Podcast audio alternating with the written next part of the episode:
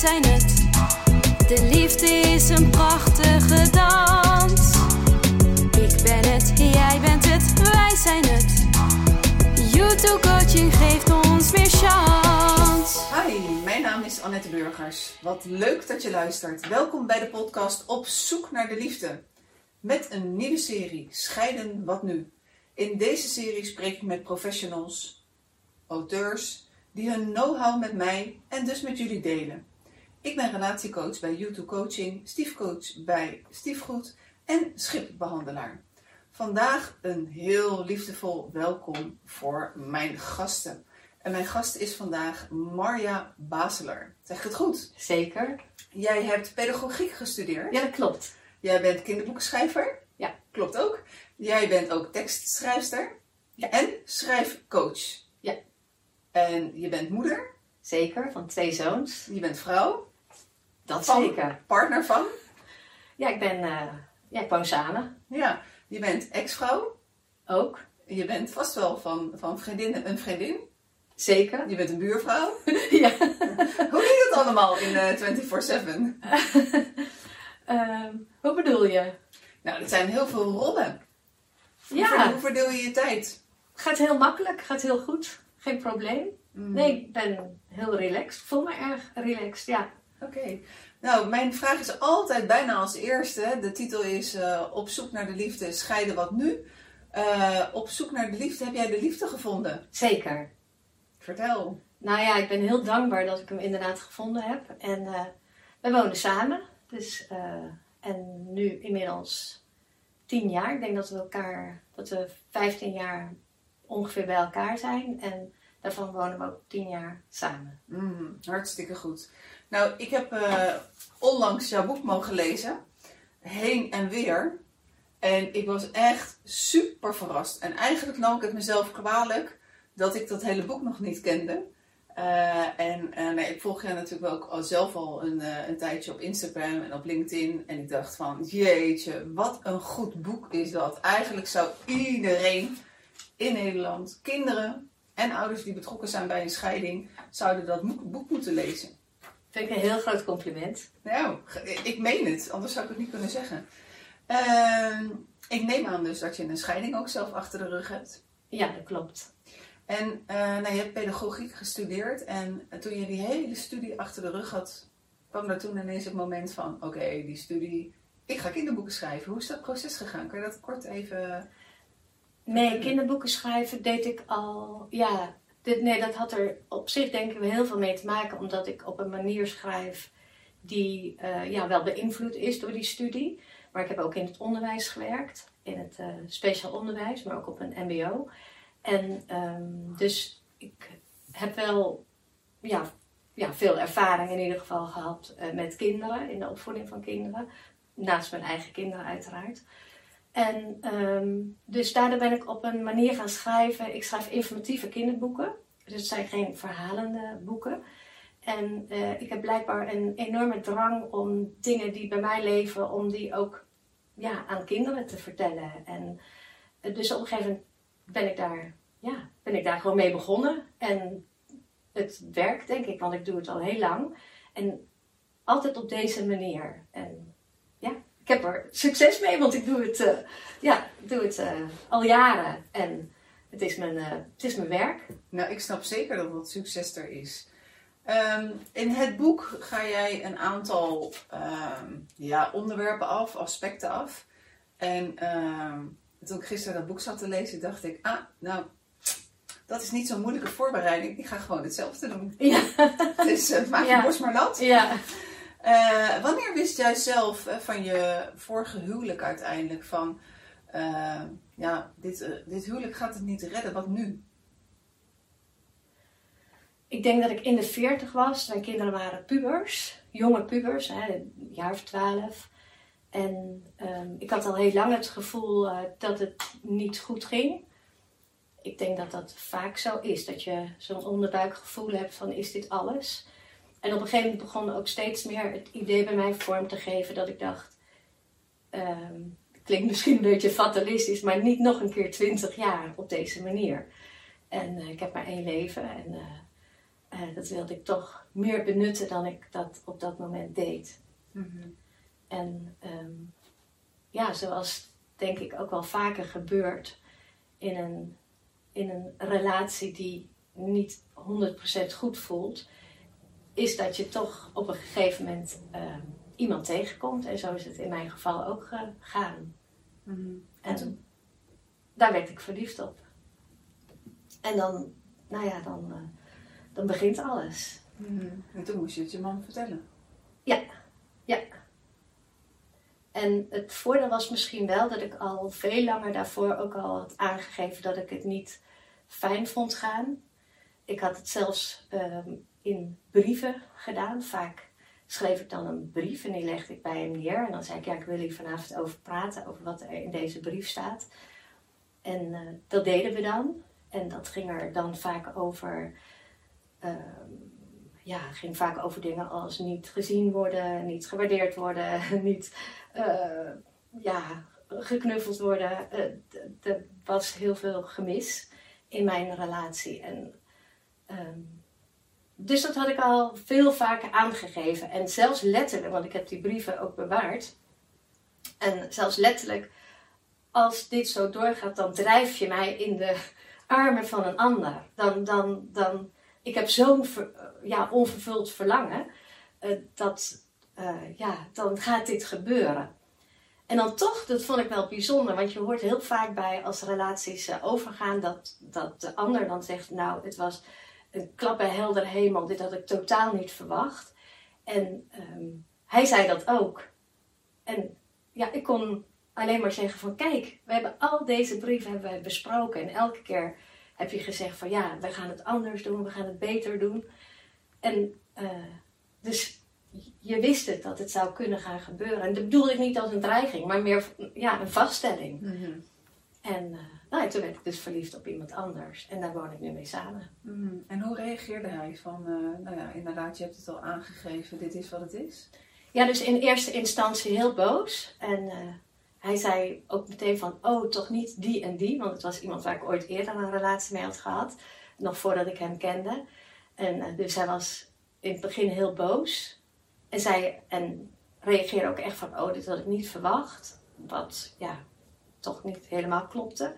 Maar hij was al snel, ehm, ja, kon het accepteren. Heel snel, zelfs achteraf gezien. Hij had ook heel snel iemand anders. Dus ik, ik denk dat het, ja, dat het voor ons gewoon klopte. Mhm. En, De houdbaarheidsdatum was eigenlijk Ja. voor jullie samen al ja, en voor de kinderen was het denk ik ook daardoor beter te accepteren. Want als je natuurlijk in een relatie komt waar er één eh, van de twee ehm, eh, de, de, de nieuwe relatie zeg maar, van de partner ziet van oh, daar is het allemaal door gekomen. Dan kun je er heel lang in blijven hangen. En nou ja, dat zie je vaak ook bij, bij scheidingen, dat het daar alleen maar over gaat. Terwijl het feestje was al over in Mhm. ons geval. En ik denk, in heel veel gevallen is dat zo. Dat het, dat het niet ik was die ehm, eh, een einde maakte aan het feestje. Nee, er was al geen feestje meer. En hij besefte dat gelukkig ehm, heel snel. En ehm, ja, daardoor hebben wij ook een, nou, een toch betrekkelijk rustige scheiding gehad. Mhm. Kan jij nog herinneren, eh, hoe oud waren je kinderen toen? Ja, ik denk eh 12 en 14 zo ongeveer. Ja. Kan je het nog herinneren het moment dat jullie het wellicht samen de kinderen vertelden?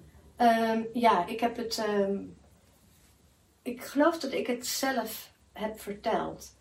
En ik weet nog wel dat ik dat, ik dat het aller, aller, aller moeilijkst vond wat ik ooit in mijn leven heb gedaan. Om de deurklink naar beneden te doen en te weten dat zij daar zitten op de bank. En eh, niet wetend wat er gaat gebeuren en dat je dan moet vertellen. Vond ik ontzettend moeilijk. Ook omdat wij niet vaak ruzie hadden. Of, eh, er speelden wel allerlei dingen in onze relatie. Maar ehm, voor de buitenwereld hadden we het gewoon heel goed samen. Dus het was ook voor de kinderen wel een. Grote schok. Ja, zeker. Ja. Kan je nog herinneren, ter vergelijking, eh, mijn allermoeilijkste gesprek ooit eh, was om te vertellen aan mijn kinderen dat hun vader was overleden op die dag. Eh, dus in die zin kan ik me heel goed herinneren van eh, hoe dat voelt van, oh, hoe ga ik dit nou doen?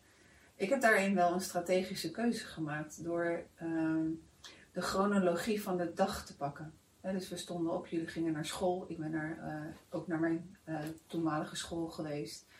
Uh, daar kwam een telefoontje en vanuit dat telefoontje ging ik steeds verder. Dat was de enige manier die in mij opkwam en de enige manier waarop ik dacht van, ja, ik heb hier geen ervaring meer, ik ga het maar op die manier vertellen. wat heb jij uiteindelijk gekozen om te doen? Je bedoelt in het, in het gesprek zelf? Ja, het gesprek naar je kinderen toe. Jij zei van, nou, ik kan me nog herinneren dat ik de deur open ging doen. Hoe heb je het zo uiteindelijk verteld? In je eentje? Ik denk dat ik het in kinderwoorden heb geprobeerd te vertellen. En ehm, dus gezegd dat wij niet meer genoeg van elkaar hielden om door te gaan. Ik denk dat ik het zo op zo'n soort manier heb verteld. Omdat ehm, op die leeftijd hebben kinderen natuurlijk nog zelf helemaal geen ervaring met, met uh, ja, lang, relaties of, of verliefdheden. Of, hè, dat is dan vaak van korte duur. Dus ze kunnen zich totaal niet voorstellen hoe zoiets is als je al twintig jaar bij elkaar bent. En hoe het dan kan voelen. Dus daar heb ik me verder niet al te veel mee bezig gehouden. Uh, om dat te proberen uit te leggen. Want dat, ja, dat begrijpen zij op dat moment. Dus ik heb het denk ik vrij ja, toch uh, kort en uh, toch ook een klein beetje zakelijk proberen te houden. Van zo en zo is de situatie. En mijn geluk was dus wel, dat ik meen dat de volgende dag mijn, mijn man ook met ze gepraat heeft. Die was toen nog wel boos en verdrietig. Maar dat hij toch ja, vrij snel uh, in een andere modus kwam. En wat bij ons ook wel, denk ik, een voordeel was dat we heel veel tijd hebben genomen om de boel een beetje te ontwarren wel vijf jaar, denk ik, uiteindelijk. Dus uh, de kinderen konden ook langzaam aan wennen. En uh, we zijn dus niet uh, van de een op de andere dag uit elkaar gegaan. Mm -hmm, helder.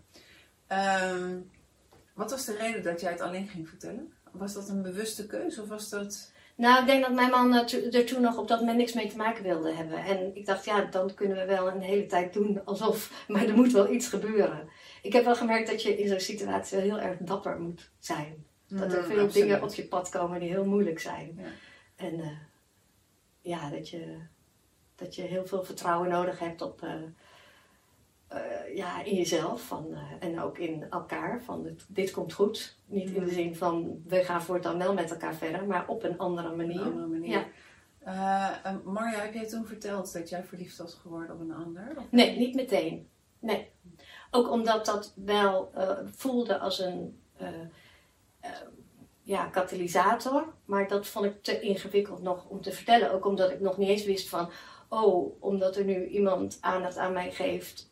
is, ben ik verliefd op de verliefdheid? Op het gevoel? Of is het echt serieus? Dus ik wilde ze daar niet meteen mee verwarren.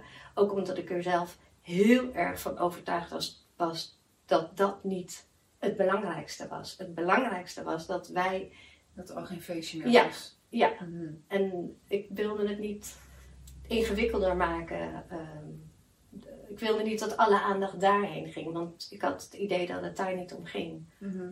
Wat zou jij nu met de kennis die je nu hebt, na zoveel jaar, uh, met betrekking op dat scheidingsmoment en met de kinderen, wat zou jij anders gedaan hebben? Of misschien nog helemaal niks? Ehm, eerlijk gezegd denk ik, als ik, als ik terugkijk, dat we het wel goed gedaan hebben. Dan, ja, dat, we hebben de tijd genomen, we hebben de rust genomen, we zijn niet langdurig boos op elkaar geweest. Ehm, ik heb me ertoe gezet om elke week toch vragen te stellen aan de kinderen over hoe het ging of hoe zij erover dachten. Ehm, wij kwamen natuurlijk ook in een situatie van heen en weer, zoals ook het boek heet. Alleen ik ging heen en weer. Ehm, Wat bedoel je daarmee? Nou, um, wij, wij hadden, um, ja, we hadden samen een huis en we wisten niet, niet goed in het begin hoe we, ja, hoe we deze situatie moesten aanpakken. We hadden nog nooit zoiets meegemaakt natuurlijk. En de kinderen waren pubers en die eh, hebben meteen vanaf de bank gezegd uh, van, nou, wat jullie doen moeten jullie weten, maar jullie denken toch zeker niet dat wij heen en weer gaan. En het is nou ook niet zo dat je kinderen altijd uh, gelijk moet geven. Maar in dit geval vond ik toch wel dat ze een punt hadden. Ik denk, ja, pubers en dat, ja. Um, dus uiteindelijk kwamen we na wat nadenken op het idee dat ik heen en weer zou gaan. naar mijn nieuwe man. Om te kijken ook of dat zou werken. En in de praktijk kwam het er dan op neer dat ik in het weekend heen en weer ging tussen Utrecht en Dordrecht. En dat de kinderen gewoon al die tijd in het, op, het nest, op het nest bleven. Mijn eh, ex-man kreeg op een gegeven moment ook een eh, vriendin. En die kwam dan in het weekend in ons huis. Oeh, dat klinkt wel een beetje Dus dat was wel een interessante situatie. Ja, ja. En toen hadden jouw kinderen ook al jouw nieuwe meneer ontmoet? Nee, dat was pas veel later. Ik heb hem heel lang, eh, ja, niet echt verborgen gehouden, maar hij is zelf heel erg eh, op zichzelf qua. Ik bedoel, hij is niet iemand die dan meteen erbovenop eh springt van, oh, dit gaan we allemaal met z'n allen oplossen. Ehm, ik ging ook naar hem toe, dus zij zagen hem ook niet. En ik vond het ook, ja, ik dacht, ik moet eerst zelf weten of ik dit wil voordat ik ze aan hem blootstel. Maar in de situatie van mijn man, of mijn ex, was het anders, omdat zij ook in het weekend echt bij ons thuis kwam. En, ehm, maar dat ging op zich goed. Hmm, dus, ehm, maar wat, ik moet wel gelijk, ik denk heel visueel. Sliep jij dan ook gewoon in het bed als je man er niet was? Dat is een waar- goede vraag. nou, wij hadden een, eh, een eh, oud huis en er was een zolder. En ehm, ik denk min of meer vanaf het moment dat ik het vertelde, ook omdat natuurlijk dan toch de situatie opeens toch wel, eh, ja, wel anders is in huis, ben ik wel meteen naar zolder vertrokken. Dus ik had Mm. daar een bed. En ehm, toen het eenmaal zover was dat eh, zijn vriendin kwam, weet ik nog wel dat ze meteen met nieuwe eh, hoeslakens en alles in huis kwam. Heel begrijpelijk ook Ja, natuurlijk, om haar ook. eigen, toch een beetje haar, ja, haar eigen sfeertje te maken in huis. En zij had zelf ook twee zoons en ook ongeveer in dezelfde leeftijd als mijn zoons. En eh, dat maakte het denk ik wel, maar ik vond dat zij het heel goed deed, ook met de kinderen. Dat zij niet opeens een nieuwe moeder wilde zijn, want ze was al moeder, dus ze had het daar druk genoeg mee. Dus ze deed heel gewoon.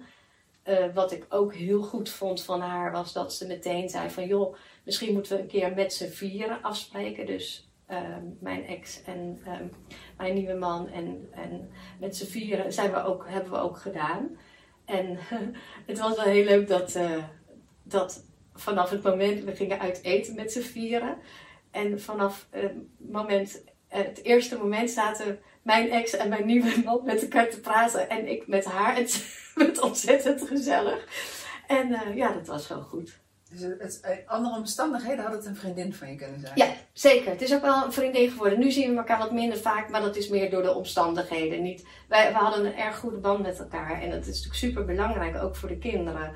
Dat, ja, dat, dat dat gewoon soepel verloopt. Ja, oh, wat mooi. Ehm, in, in het boek stel je een aantal vragen en doelopdrachten voor de kinderen, dus die volg ik stiekem een beetje. Wat was voor jou de grootste verandering van voor je scheiding en na je scheiding in je leven? Ja, het begon er natuurlijk al mee dat ik mijn kinderen in de weekenden niet meer zag. En dat was natuurlijk een eigen keus, omdat dat ons op dat moment het beste leek. Ehm, maar dat, ja, dat was natuurlijk een, grote verandering, want juist in de weekenden, zeker in de puberteit, gebeurden er veel dingen. Dingen ook die niet altijd makkelijk zijn en eh, die mijn ex dan ook moest oplossen, wat hij overigens best heel goed deed. Eh, maar je mist, een, ja, je mist toch een aantal dingen. Ik vond het natuurlijk ook heel moeilijk om, ehm, ook al was ik verliefd, toch ook weer te wennen aan, aan een ehm, nieuwe man. En ehm, ik moest er ook aan wennen dat het, dat het ons niet gelukt was om toch die, ja, die familie eh, bij elkaar te houden. Maar ehm, volgens mij noemde ik al één keer eerder het woord vertrouwen. Dat ik er wel heel veel vertrouwen in had dat we een andere manier zouden vinden. En ehm, ik heb ook altijd wel geprobeerd om mijn kinderen dat te laten zien. Van hier komen wij samen uit. We zitten in zwaar weer. Het is ingewikkeld. Ik weet ook niet waar het schip heen vaart. Maar we komen eruit. En eh, door de... Ja, omdat ik mezelf voorgenomen had om ze elke week in ieder geval allebei één vraag te stellen. Hoe moeilijk ik dat vond, want dan krijg je terug wat er allemaal niet goed gaat. ehm hielp dat toch wel. Dat je, ja, dat dingen toch bespreekbaar bleven. En mijn angst was dat ik, als ik dat niet zou doen, dat ik het na tien jaar zou krijgen van ze. Van, mam, dit heb jij veroorzaakt en daar heb ik nu nog steeds pijn van.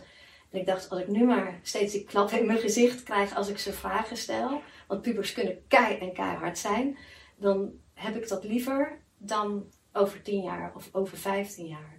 En ik weet niet ja, of het geholpen heeft, maar ik denk het wel. Hmm, wat heb je dan, als ik ze nu zou vragen, van hoe heb je de scheiding ervaren, wat zouden ze zeggen, denk je? Het is, ehm, ze zijn nu volwassen. Ik heb het wel eens gevraagd en ja, ik denk dat ze het allebei zullen beschouwen als het was niet de leukste periode van ons leven, maar het is oké. Ja, weet je, het zijn twee jongens, dus zo praten ze dan van, ja, ja, het is nou eenmaal zo gelopen, het is oké. Mhm. Ehm, ik weet zeker dat er geen verwijten meer zullen, meer zullen komen, omdat ze dat op dat moment al genoeg gedaan hebben. Niet allebei hoor, de jongste niet, de oudste wel. Ze allebei gewoon verschillend eh, gebakken, zal ik maar zeggen. En ehm, de jongste was wat meegaander. Ehm, wat ook niet altijd goed is natuurlijk. Maar eh, ze hebben zich wel kunnen uiten. En het moeilijke vond ik daar trouwens wel aan dat je op zo'n moment als volwassene niet ehm, helemaal openheid van zaken kunt geven, omdat je nu eenmaal kinderen niet kunt belasten, belasten met zaken als gebrek aan intimiteit of ge- ge- gebrek aan aandacht voor mij. Of dat zijn geen zaken die je aan kinderen kunt uitleggen. Dat, dat kan gewoon niet. Dus je kan alleen maar je een beetje bij de feiten houden en eh, een beetje toch min of meer zakelijk. Ehm, en soms, maar soms vond ik dat jammer. En ik hoopte wel altijd, nou, als je later een relatie krijgt, dan ga je het wel snappen. Mhm. Dan ga je het meer begrijpen. Ja, begrijpen, ja. Herkenbaar. Ehm, jij zegt net van, eh, eh, ik stelde ze elke week een vraag. Eh, met jouw achtergrond en met jouw liefde voor schrijven en de brieven die je ook al aan jouw ex-man geschreven had. eh, heb je niet gekozen om een, een soort van heen en weer schriftje te maken met elke keer een vraag en een antwoord van je kinderen? Nee, dat heb ik niet gedaan. Nee, nee. Nou, dat had misschien nog wel Ja. iets opgeleverd voor een nieuw boek. Ja, achteraf wel. Want eh, laat, eh, nu, eh, ik dus toen ik bezig was met het e-book, heeft mijn oudste zoon mij geholpen eh, eh, om, het, om het voor elkaar te krijgen. En wat ik toen. En we moesten het natuurlijk ook over inhoud hebben, want ja, het, de, ik wilde dingen herzien en op een andere manier bekijken. En hij had zulke goede tips en ideeën. Dat achteraf denk ik, ja, eh, hadden we misschien ook wel toen op dat moment al dingen op papier kunnen zetten. Maar ehm, toen ik begon met eh, het, boek Heen en Weer waren zij alweer wat groter. En heb ik jonge kinderen geïnterviewd. Omdat ik het echt een boek wilde laten zijn voor jongere kinderen. En ehm, eh, dus ja, ik heb ze niet op Maar ik, papier. ik voel wel een nieuw, nieuw boek. en dat is natuurlijk heel mooi van hoe kijk je samen terug op, Ja. eh, op, op, eh, op de scheiding. Eh, Oh wat, wat één o- opvallend ding voor mij was toen ik met mijn zoon met het boek bezig was. dat hij zei, de, de, nou ja, dat staat geloof ik nu op de website, was iets, ging dan over tips die je dan voor ouders, of die, wat je als kind kan doen in zo'n Mhm. situatie. En toen noemde hij zelf eh, als, als punt 5 geloof ik, ehm, doe ook eens iets liefs voor je ouders, voor je vader of moeder.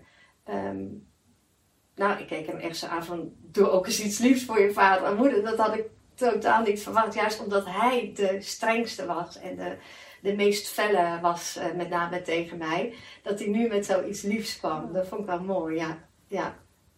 Ja, dat is het mooie in jouw boek? Dat, eh, dat je heel veel ehm, zelfstandigheid geeft aan, eh, aan de kinderen. Een soort van verantwoordelijkheid ook. Van nou, de situatie is zoals die is.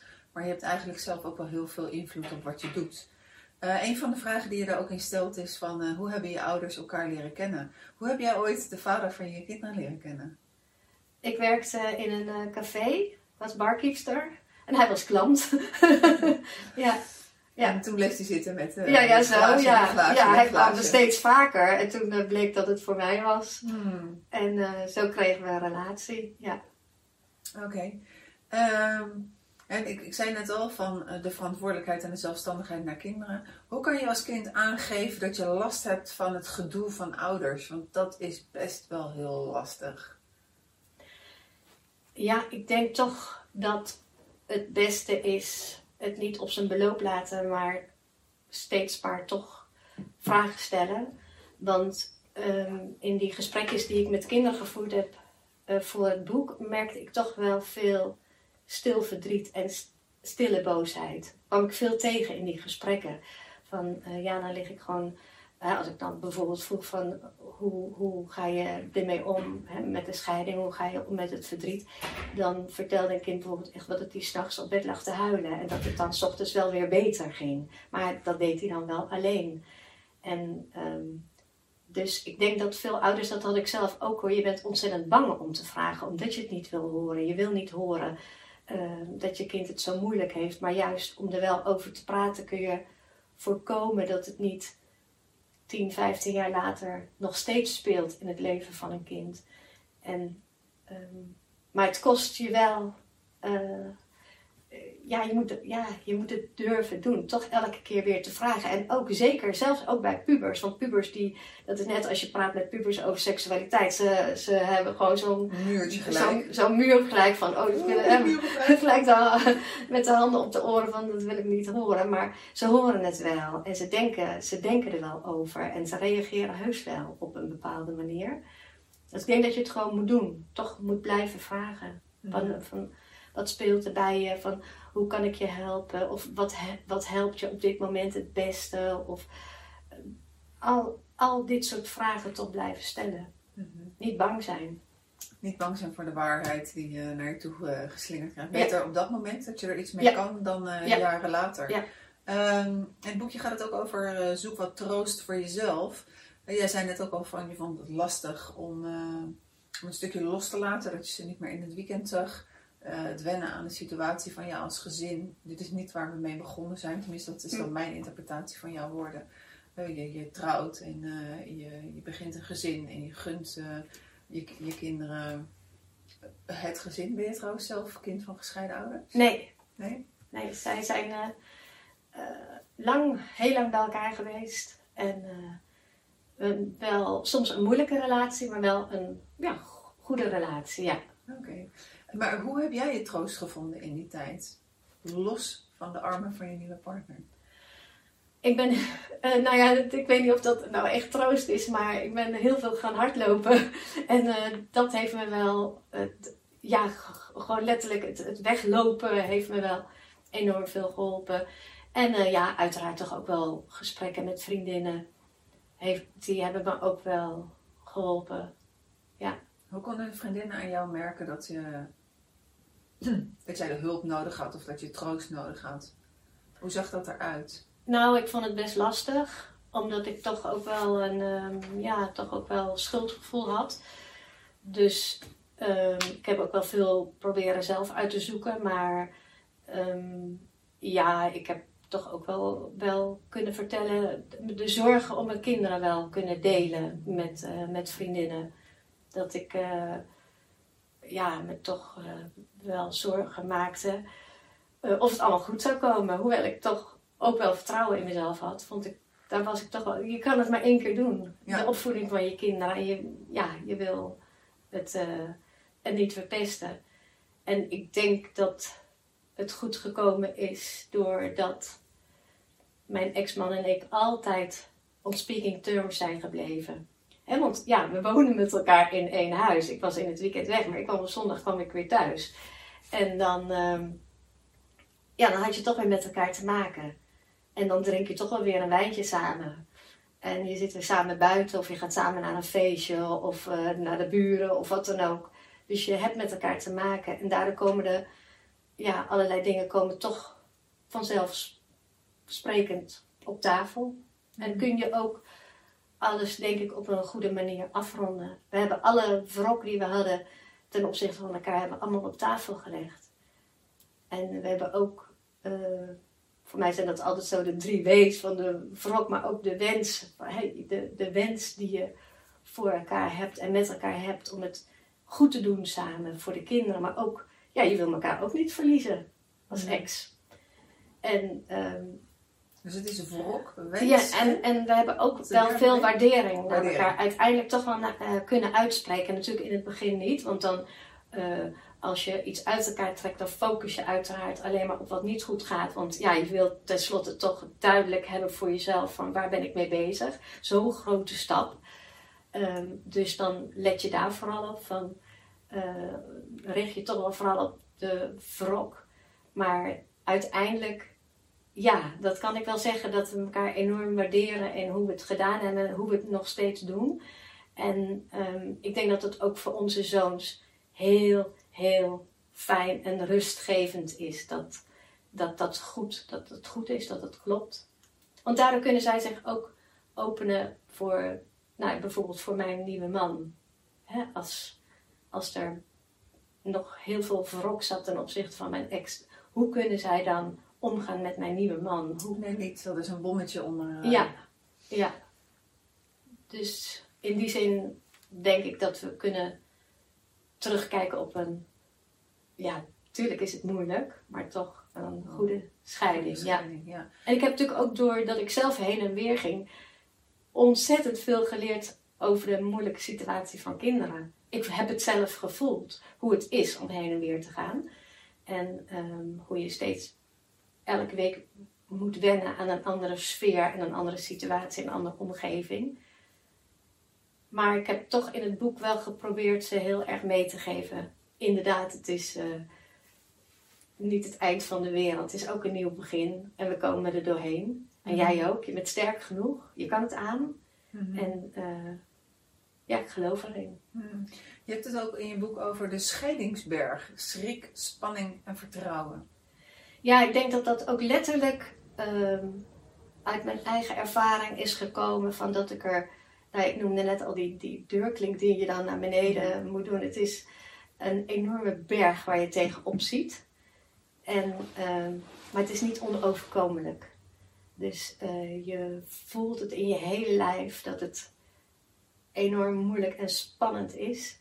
Ehm, je hele omgeving heeft ermee te maken. Je moet enorm koersvast zijn. Zeker in onze situatie, omdat wij het net anders deden dan eh, eh, de, Gemiddeld genomen. ja, de meeste scheidingen.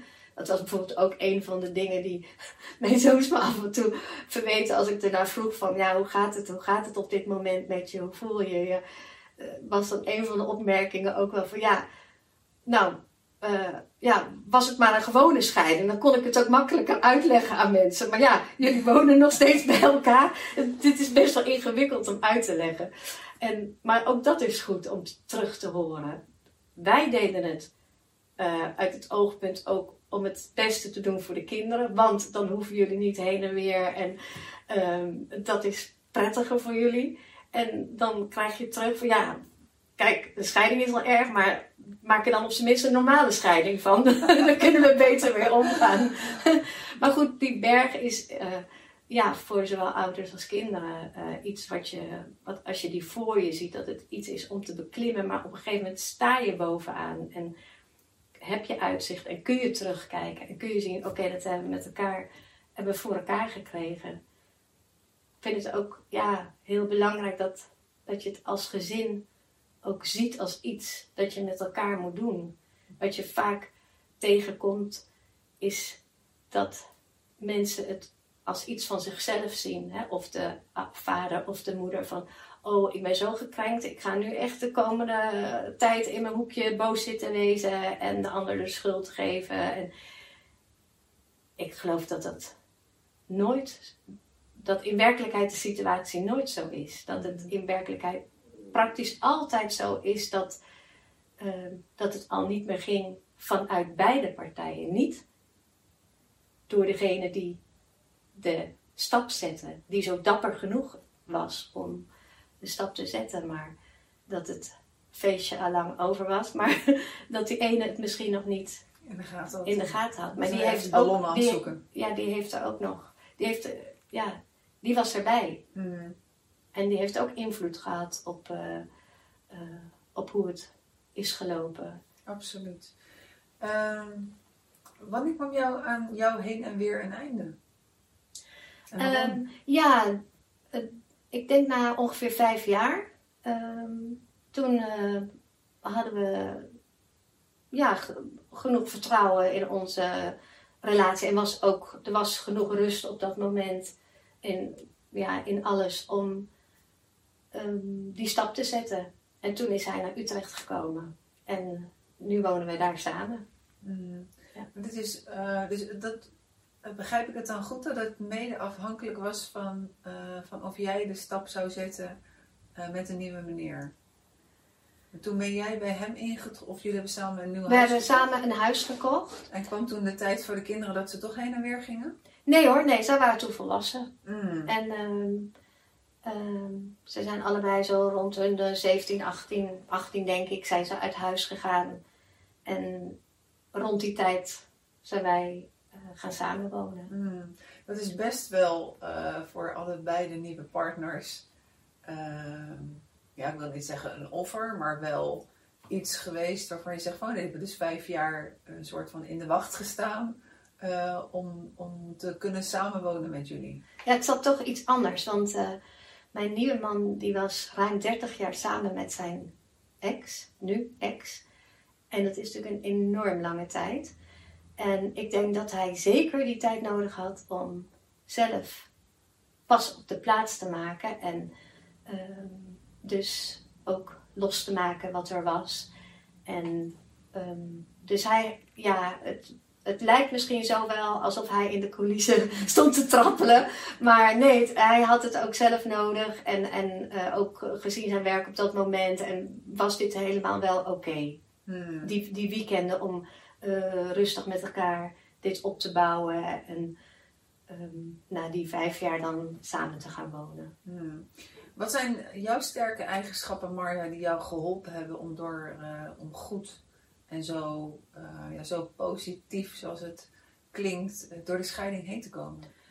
Mm, ik denk dat ik zo altijd wel geweest ben. Ik ben gewoon positief van mezelf, dus daar hoef ik geen moeite mee voor te doen. Dat, zo ben ik gewoon geboren, dus dat is al, daar sta je al 1-0 voor wat dat betreft.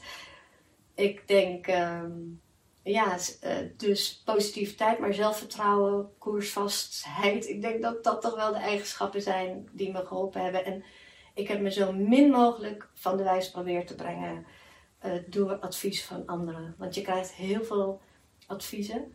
En ehm, zeker als jij degene bent die eh, de beslissing neemt, of ja, die, die het eh, initieert, om het maar zo te zeggen, dan krijg je toch wel veel reacties van andere mensen. Maar, en ook door de manier, wij gingen natuurlijk op een ja, andere manier met de scheiding om door, omdat ik heen en weer ging.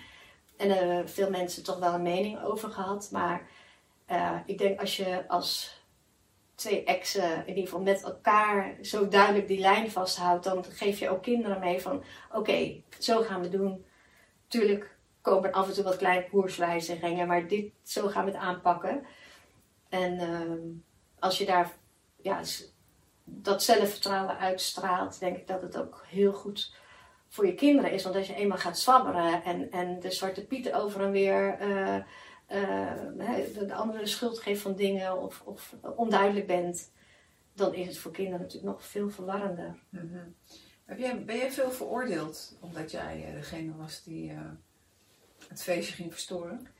Nou, het valt nog mee, maar het is natuurlijk zo dat juist die opmerkingen het meest blijven hangen dan de opmerkingen Ja, van ja. mensen die zeggen van joh, wat doen jullie dat goed.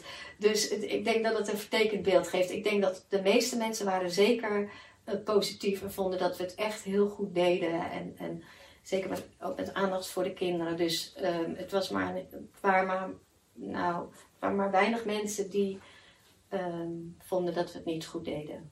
Maar die kan je nog wel herinneren. Ja, dat is nou eenmaal mensen eigen, ja. Ja, Eh, in je boek las ik, Sam, 10 jaar.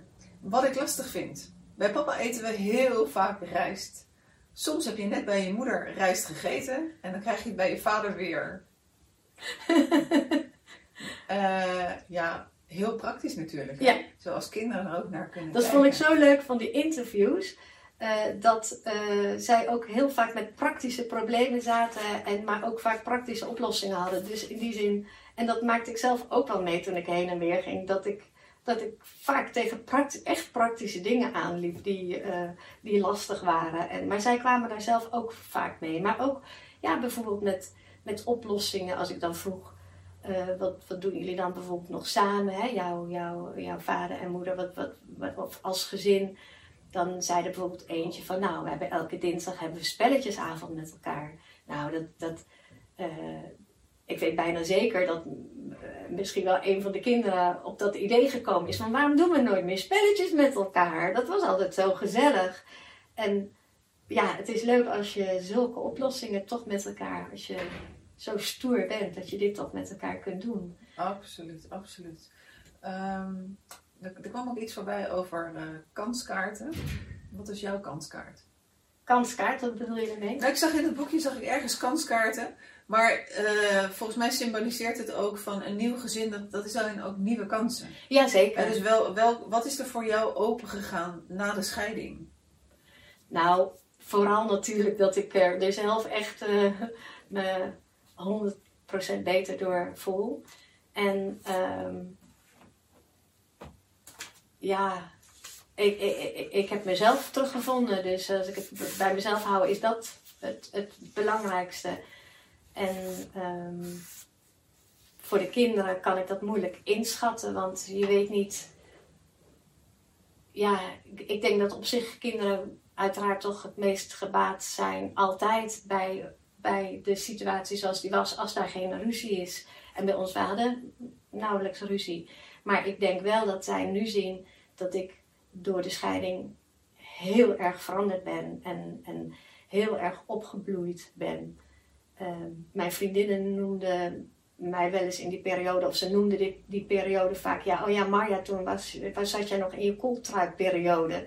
Uh, dus een beetje, ja, ingetogen en, en ehm, ik voelde me niet gezien en ehm, dat straalde ik blijkbaar ook wel uit met mijn kooltruien. En nu voel ik me heel anders.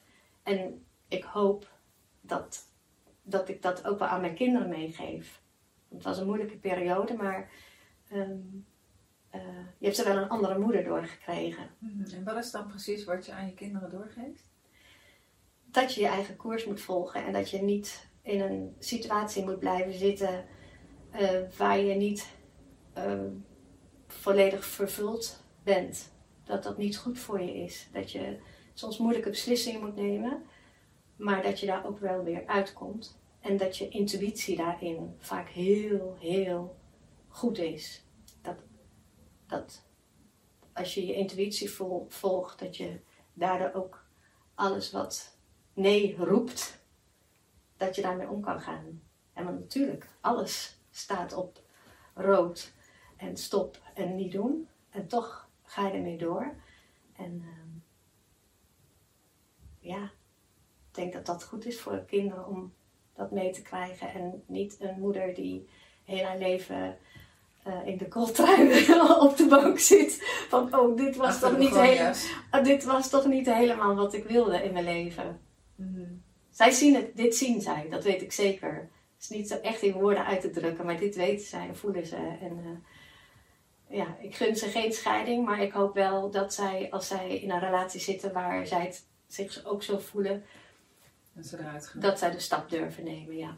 En ik hoop ook dat zij weten dat je het op zo'n manier kunt doen. Dat alle partijen um, ja, goed met elkaar om kunnen blijven gaan. Ja. Dat is toch, ja. Uh, in je boek heb je het ook nog over uh, de hulp die er voor kinderen is. Hè? Villa Pinedo, kinder- en jongeren, rechtswinkels, gouden tips, kindertelefoon. Uh, ja, hulp voor ouders zijn er inmiddels ook. Er is op dit moment natuurlijk heel veel aandacht over scheidingen, over ouderverstoting. Uh, wat zijn voor jou de vijf, als je zover komt hoor, vijf grootste tips die je mee wil geven? Um, ten eerste denk ik, um, daar hebben we het al over gehad, maar voor mij is toch wel het belangrijkste het vertrouwen. En dan niet zozeer het vertrouwen dat het goed komt, maar vertrouwen dat je het aan kan. Iedereen in, het, uh, in, het, uh, in deze situatie.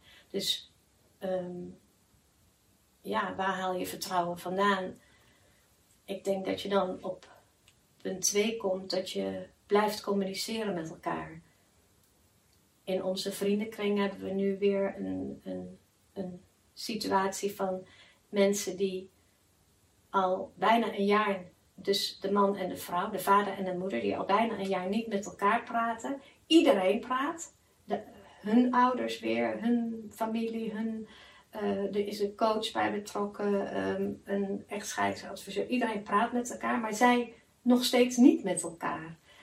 Dus volgens mij krijg je juist vertrouwen door het wel te doen. Ook al is het heel moeilijk, sommige situaties zijn denk ik ook heel moeilijk, maar ehm, toch met elkaar, toch naast elkaar uh, gaan zitten en het gesprek aan te gaan. Sowieso om dat vertrouwen op te bouwen, maar zeker ook om aan kinderen te laten zien van zo doe je dat.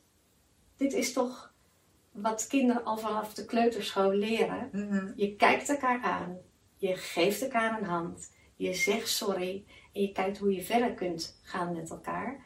En als volwassenen het totaal tegenovergestelde laten zien aan hun kinderen, dan geef je ze mee dat er onoplosbare problemen zijn.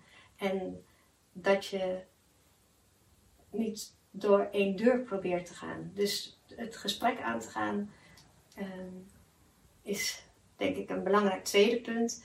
Een derde punt wat ik zelf natuurlijk ook door mijn eigen scheiding heb ervaren is aandacht voor emoties. En zelf dus je emoties uiten. Ook al is het soms, uh, levert dat soms even wel veel ellende op, maar je emoties uiten, maar ook de kinderen de ruimte geven om die emoties te uiten. En niet in de zin van, oh jee, wat, wat, wat erg of verdrietig, maar het mag. Je mag boos zijn en verdrietig zijn en verongelijkt en woedend en het hoort erbij, laat het zien. En uh, laten we met elkaar, ja, laten we elkaar die ruimte bieden. Om, uh, want dat denk ik dat, of dat heb ik zelf gemerkt, dat het zo moeilijk is om aan elkaar te laten zien. En kinderen verstoppen het, terwijl het er wel degelijk is. Zelf verstop je het ook vaak. Uh, maar het geeft een vertekend beeld van de situatie als je het allemaal inhoudt. En het komt er toch wel uit, dat weet iedereen.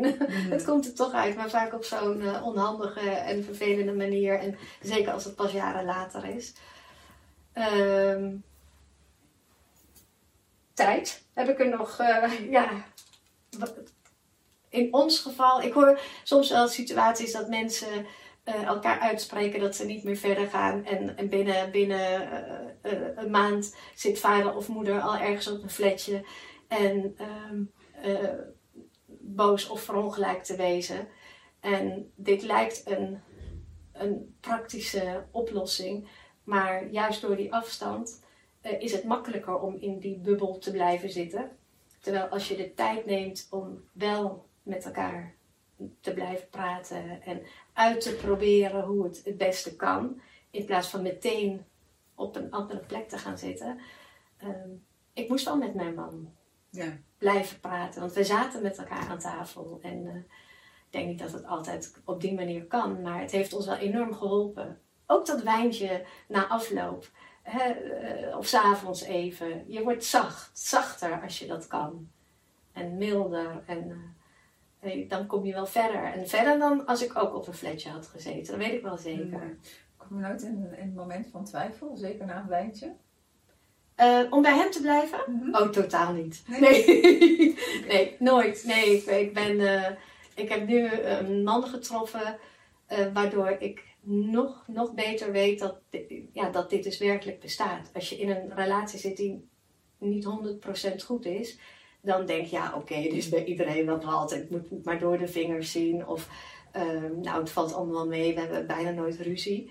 Maar als je op een gegeven moment, zoals ik, het geluk hebt om iemand te ontmoeten en een relatie te hebben waar alles in klopt. Ook al zijn we heel verschillend en uh, uh, is het soms ook wel eens lastig om weer de weg naar elkaar te vinden. Dan, als je dat zeker weet, dan ja, dan. Uh, nee, ik heb nooit terug gewild. Nee. Nee, nee, je straalt helemaal. Dat kan de luisteraar ja. natuurlijk niet zien, maar ik wel.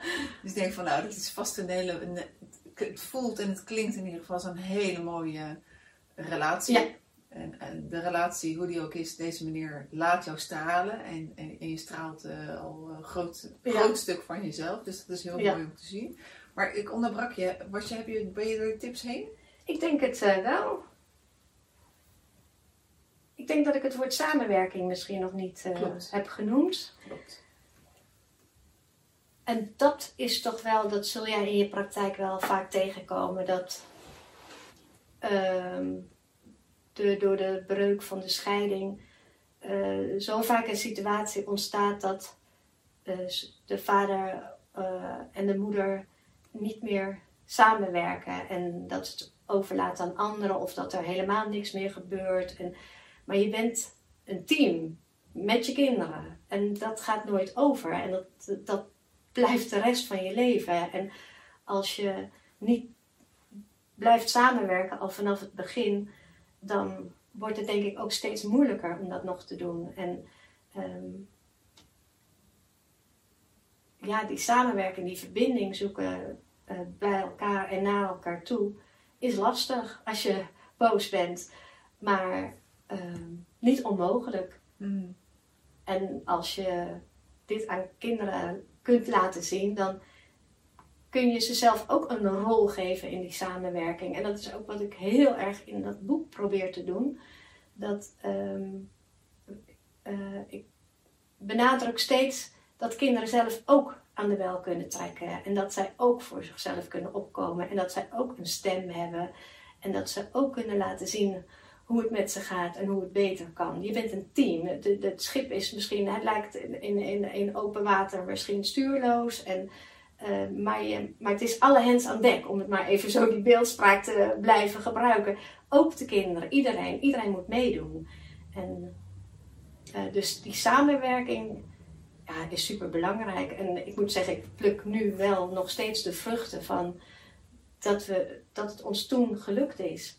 Want nu zijn mijn kinderen volwassen, maar ze zijn ook jarig en, en uh, ze, ze hebben ook een, een, ander huis. Of er, zijn elke keer toch weer situaties dat je met elkaar blij wilt zijn en met elkaar trots wil zijn en, met elkaar samen wil zijn. Wij vieren de, verjaardagen van de kinderen altijd met, met iedereen. En nu heeft hij op dit moment geen vriendin, maar al zijn vriendinnen die zijn tot nu toe altijd ook meegekomen. En uh, mijn man uiteraard ook. Dus het is, het is een, een investering die moeite kost, maar die zoveel oplevert. Hmm. Vooral voor de kinderen. Ja. Nou, hartstikke mooi. Daar heb ik eigenlijk niks aan toe te voegen. Ik wil even vragen, we hebben hier kaartjes liggen, die komen ook uit jouw, uh, van jouw hand. Wil jij uh, een kaartje trekken? Blind? Blind, een kaartje trekken voor jezelf. Nou, dit zijn dus de lekker in je vel kaartjes. En uh, die uh, kunnen kinderen uh, gebruiken om hun emoties op een rijtje te krijgen. Het zijn 48 kaartjes van, van positief naar heel negatief. En al die emoties die komen in feite ook voorbij als het gaat om een scheiding. En nou, ik heb het kaartje getrokken en daar staat op verward. En het is wel ik vind het leuk dat ik juist dit kaartje trek, omdat um, nu is de scheiding al lang geleden en kan ik gelukkig best wel een redelijk coherent verhaal vertellen over hoe het allemaal gegaan is en hoe ik me er doorheen geslagen heb. Maar ik heb me ongelooflijk verward ook gevoeld en dat is heel naar, want je bent toch wel even totaal uh, de weg kwijt. En ik zou even mijn bril op moeten zetten om te kijken wat er op de achterkant van het kaartje staat. Je weet niet waar je aan toe bent. Warrige gedachten die alle kanten op buitelen. Chaos in je hoofd, verward. Um, het is ook, denk ik wel, een van de redenen waarom ik dat boek heb geschreven. Omdat um, voor kinderen is het uiteraard ook een heel verwarrende tijd. En um, als zij niet weten waar ze aan toe zijn, tuurlijk, dat, dat maakt die tijd nog veel moeilijker. Maar informatie helpt wel. Kennis over waar sta ik en wat, wat, kan, ik, uh, wat kan ik zelf doen in deze tijd. Kan ik mijn ouders erop aanspreken, bijvoorbeeld als ze alleen maar ruzie maken? Of welke vragen kan ik stellen? Of wat doe ik met mijn emoties? Als zij daar meer informatie over hebben, voelen ze zich minder verward en kunnen zich beter door deze tijd heen slaan. En dus ehm, ik herken er wel veel in, in het gevoel verward. Mhm. Ja, Ik ga Ja. ook even kijken, maar wel heel erg nieuwsgierig. Ik pak er ergens eentje en niet van onder. Gelukkig. Nou, met een hele rare chimpansee zit er natuurlijk bij. Hij is wel heel erg van toepassing voor mij. Ik heb ook nog niet Vertel. heel, heel erg lang een eh, nieuwe relatie. Ik, ik herken exact je verhaal van eh, hoe het dan is om ehm, ja, om een soort van thuis te komen en te beseffen, oh kan dit ook? Bestaat dit ook? Dit is eh, wat je hoort over, over liefde. En eh, hoe dankbaar en eh, hoe mooi dat ik dit mee mag maken op mijn inmiddels eh, 56ste. ja. Ik heb goed geoefend. en wij hebben dan ook wel zoiets van, ja, je, op deze leeftijd en alle fouten die ik ook zelf gemaakt heb in het verleden, dit is wel de allerbeste versie van mezelf. Ik bedoel, dat ben ik aan mezelf schuldig. De allerbeste versie om ook als voorbeeld te geven aan mijn kinderen. Allerbeste versie in de relatie om, eh, om te hebben met mijn, eh, met mijn partner. Op de achterkant staat, eh, je voelt je supergoed met jezelf en met alles om je heen. Er is zoveel om van te genieten, gelukkig. Nou, dat is zeker van toepassing nu. En dan is het ook wel een beetje voor mij om nee te leren zeggen tegen heel veel dingen.